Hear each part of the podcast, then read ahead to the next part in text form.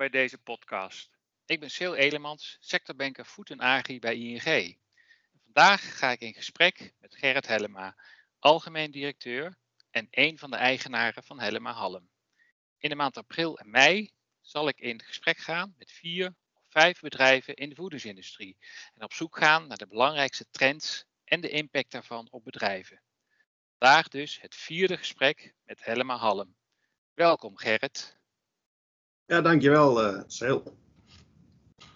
Voordat we naar de belangrijkste trends gaan, wil ik kort, uh, zou jij kort iets willen vertellen over jullie mooie bedrijf Helma Halm, Halm, waar jij samen met Hille leiding aan geeft en waar jullie voor staan vooral?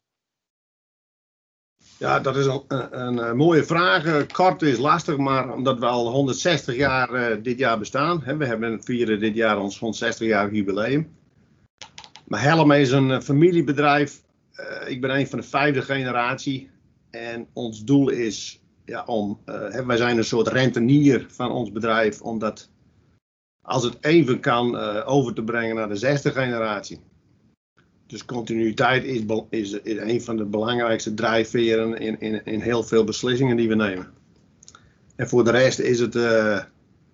Eh, we zijn een heel oud bedrijf, maar ook een super jong en dynamisch bedrijf in een hele dynamische markt. Uh, niet alleen Nederland, maar alle markten in de hele wereld. Dus het biedt ook heel veel uh, plezier in werken.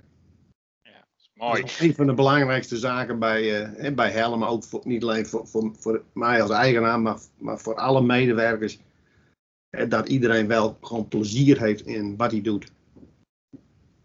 Ja, mooi. En, en, en, en wat is jullie handelskenmerk?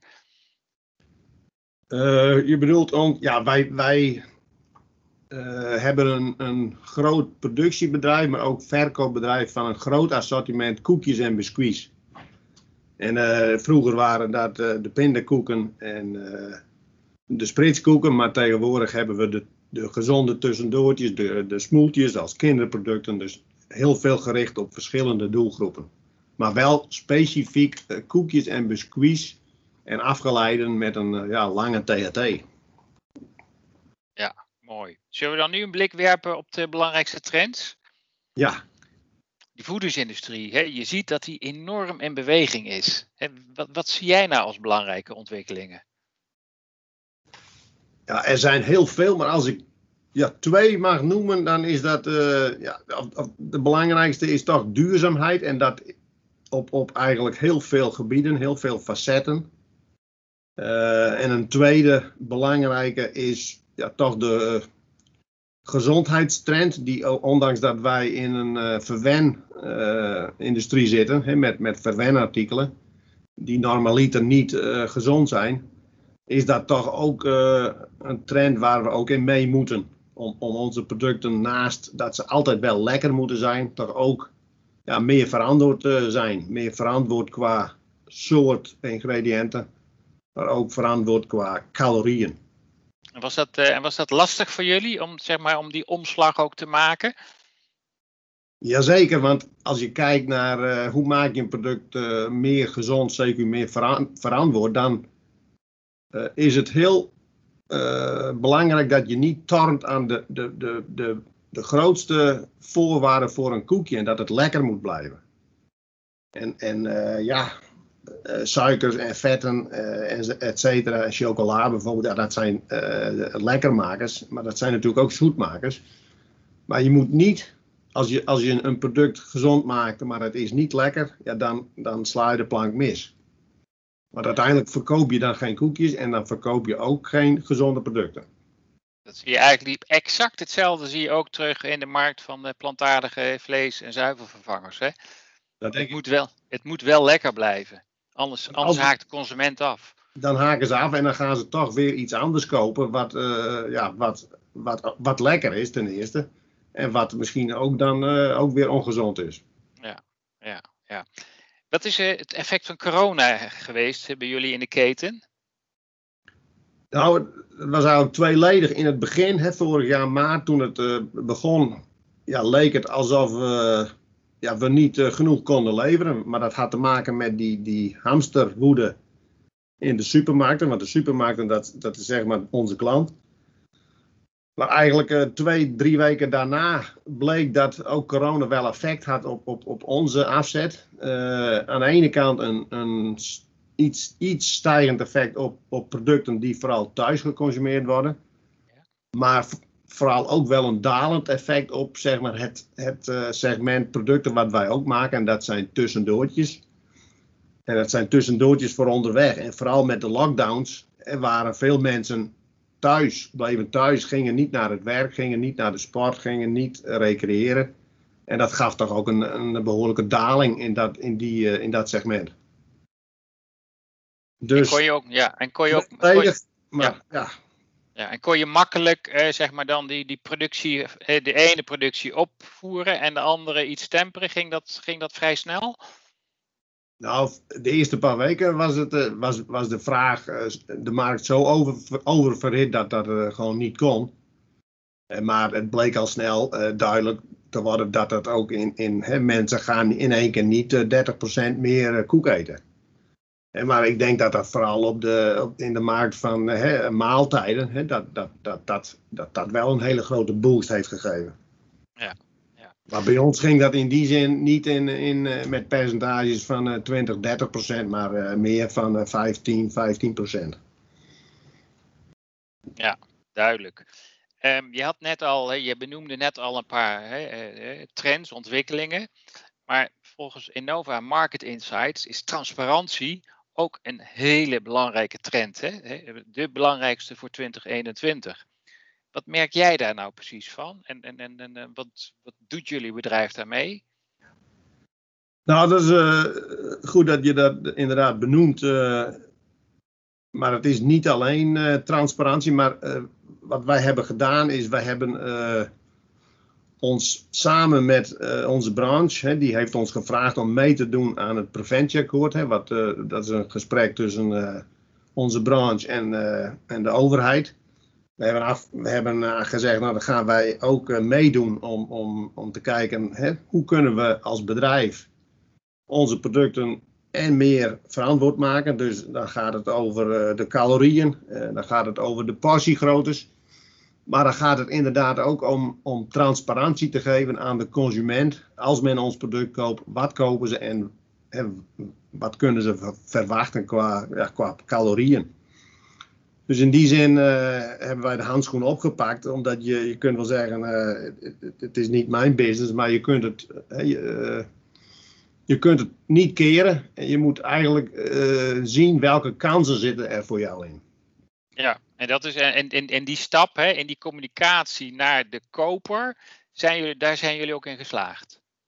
Ja, uh, wij communiceren heel helder. Dat was een van de actiepunten om heel helder op onze verpakkingen te, te, te, te vermelden. Hè, uh, hoe, als men een, ko een, koekje koopt of als men een pasje koopt, ja, hoeveel calorieën uh, is dan de intake? Hè? En dus dat is heel belangrijk. Ja, ja, dit is wel, uh, ja, dit is eigenlijk ook, hè, dit heeft ook al te maken met duurzaamheid. En je gaf net al aan dat duurzaam meerdere facetten raakt. Maar wat betekent duurzaamheid dan nog meer voor jullie bedrijf? Nou, duur, uh, duurzaamheid, één belangrijk aspect is, de, is het, zeg maar, de, de soort grondstoffen die je gebruikt. Dus dan heb je het over de grondstoffen, uh, bijvoorbeeld zoals palmolie, of suiker uh, of chocola. dus daar, wij zijn ook steeds meer uh, zaken gaan doen met leveranciers die dat goed voor elkaar hebben, of met leveranciers die fair trade producten kunnen leveren. Daarnaast hebben we het ook een aspect, als je het hebt over grondstoffen, is ook verpakkingen heel belangrijk. En we hebben al een aantal jaren terug besloten om ook te investeren in, in zeg maar, het vervangen van onze plastic trays naar kartonnen trays, papieren trays, om daar ook onze bijdrage in te, leveren. Nou en een, een belangrijk aspect van, uh, van duurzaamheid is natuurlijk ook je bedrijfsvoering. En uh, heb je het over energie, energietransitie. Dus we hebben afgelopen jaar, vorig jaar, iets van 750 zonnepanelen in eerste instantie neergelegd. En er komt vast ook weer een tweede, tweede serie aan. En we zijn ook bezig met echt, echt projecten. En dat, dat gaat, dat, daar gaan wel een aantal jaren overheen. Maar dat is bijvoorbeeld een project om, om waterstof in te zetten. In plaats van, om, om jullie moeten ook van het gas af. He, want wij bakken hele lekkere koekjes, maar daar hebben we veel gas voor nodig. En nu is gas niet eens een, een slecht energiemiddel. Als je kijkt naar Duitsland, die beginnen pas met gas. Ja. Maar ja, Nederland loopt voorop, dus uh, wij proberen ook in die zin ook mee te denken met, met andere middelen, zoals waterstof. Maar dat kun je nooit alleen. Dus daar hebben we ook onze leveranciers in de keten voor nodig. Ja, en dat is best wel, hè, dat is gewoon echt hè, lange termijn vooruitkijken. Hè? Want uh, ik denk, er zijn nu nog geen uh, pandklare oplossingen voor hè, richting waterstof. Maar je kunt je waarschijnlijk wel voorbereiden naar, naar, naar een, een goede transitie. Nou, daarom. En dus er komt heel veel op ons af, maar in die zin, maar je moet niet denken dat je het vandaag of morgen klaar moet hebben, maar je moet wel vandaag of morgen beginnen. Want het kost gewoon heel veel tijd en ontwikkeling, en dat weten we van onze producten ook. Als we een product ontwikkelen, een, een nieuw koekje of een nieuw tussendoortje, dat, dan ben je vaak wel een jaar of anderhalf jaar verder. Nou, met technieken is dat eigenlijk, is die, is die termijn soms wel, wel drie tot vijf jaar. Dus ja. je, moet, uh, je kan beter eerder beginnen. Ja, hey, en hoe, uh, uh, hoe stellen afnemers zich op hè, op het thema van duurzaamheid? Merk jij dat zij dat ook belangrijker gaan vinden? Zeker weten. Kijk, onze afnemers, dat zijn de grote retailers. En dan heb je het over in Nederland de, Albert Heijn of de Jumbo. En in, in Engeland de Tesco's. En, en wereldwijd de Aldi's, de Lidl's, de Walmart's. En die klanten die stellen, die stellen ook hele hoge eisen aan duurzaamheid. En daar gaat het over clean labeling, maar dan gaat het ook over uh, uh, vervangen van plastic, minder gewicht in de verpakking.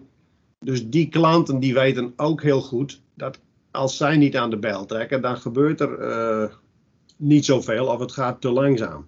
Dus hun eisen zijn eigenlijk ja, hoger dan je mag verwachten of dat je denkt dat je kan.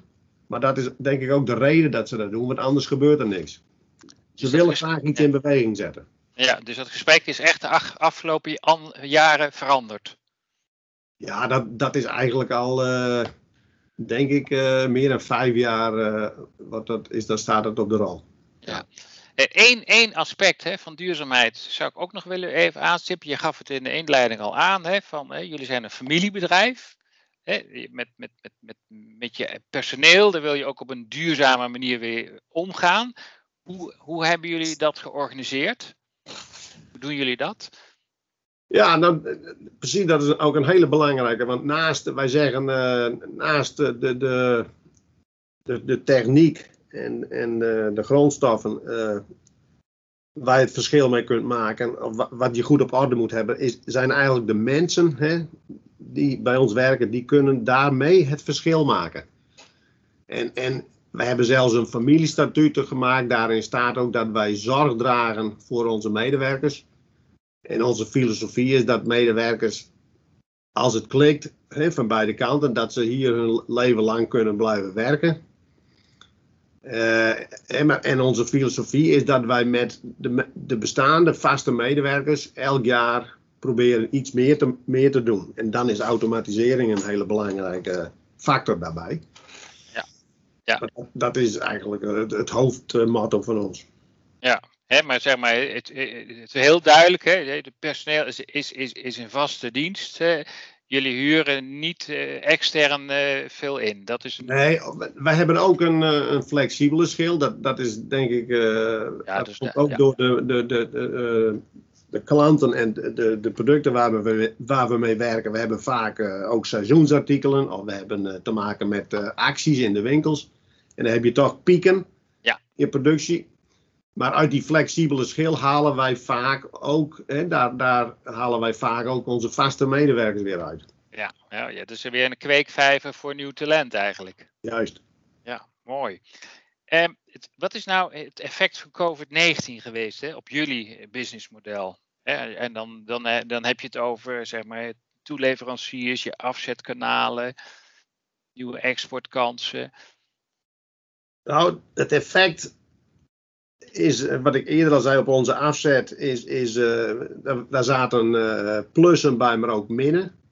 En maar andere effecten waren dat we, hè, we doen veel aan export bijvoorbeeld, dat we, dat we op een gegeven moment het, het aanbod van containers, hè, waar onze koekjes in, in verscheept worden, dat dat aanbod steeds lager werd. En dus de prijzen van die containers zijn de laatste tijden nogal hoog geworden.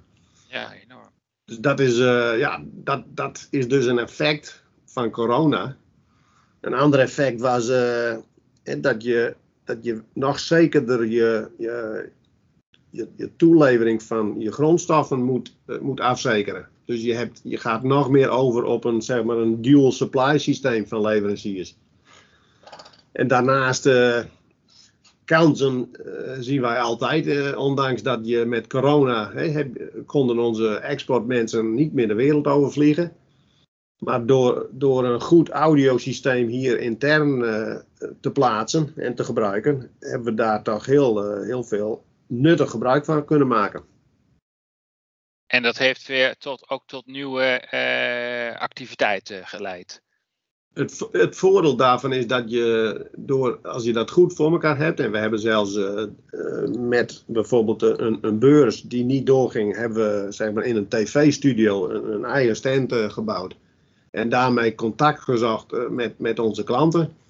het voordeel is dat je dan eerder ook met het hele team van je klant contact hebt en dat je uiteindelijk ja, effectiever en slagvaardiger je, je ja, je, je producten kan uh, verkopen. Krijg je dan een andere band? Ja en nee, want je krijgt een band met uiteindelijk meer mensen van je, van je klant. Hey, het is niet alleen de inkoper, maar gewoon ook het hele team. Maar de band, daar mist nog wel het persoonlijke contact. Dus uiteindelijk is het niet zo dat je het alleen via de, de, de screens gaat doen. Uh, die handshake is toch wel nodig eigenlijk? Echt wel, ja. Ja, ja, ja, ja mooi. Hey, hoe kijk jij naar de toekomst van de voedingsindustrie? Hè? En dan vooral in Nederland. Hè? En, en, en, en, en ook weer hè, de rol van de keten en ook hè, specifiek hè, jullie eigen rol daarin.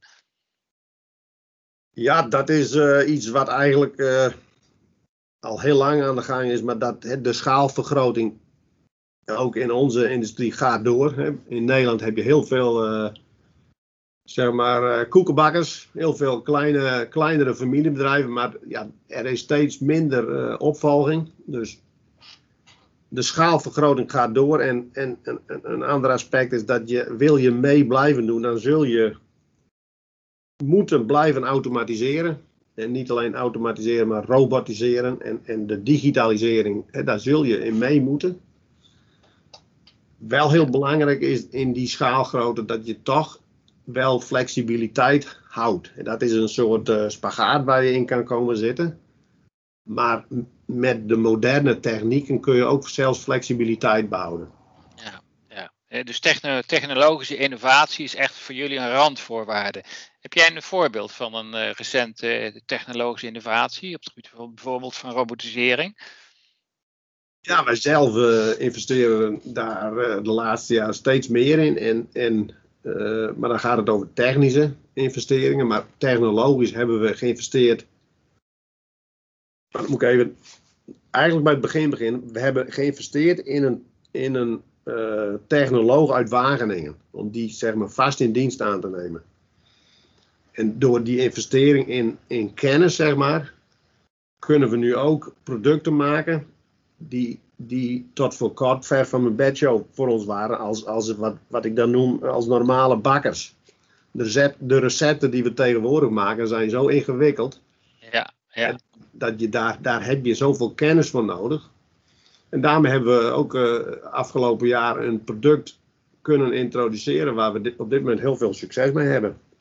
In het buitenland trouwens. Ja, nou mooi hè.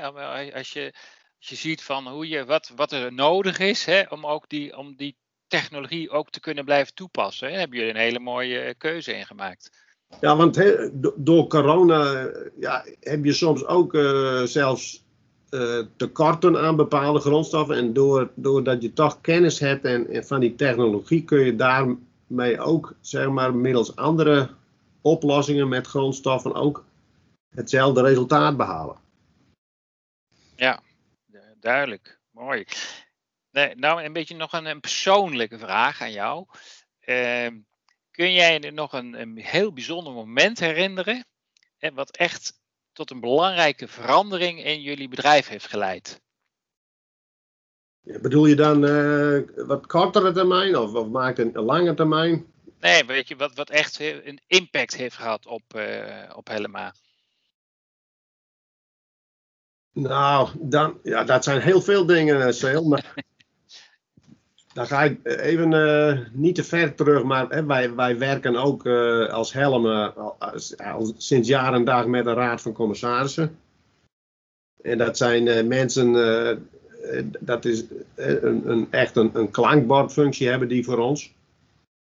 En op basis van een uitspraak van, van, of, of tijdens een, een, een vergadering, dan ga je ook proberen een vergezicht te maken en toen hebben we toch op basis van het vergezicht wat daarin geschetst werd, en dan noem ik maar even heel uh, futuristisch een, de eerste onbemande koekjesfabriek van Nederland.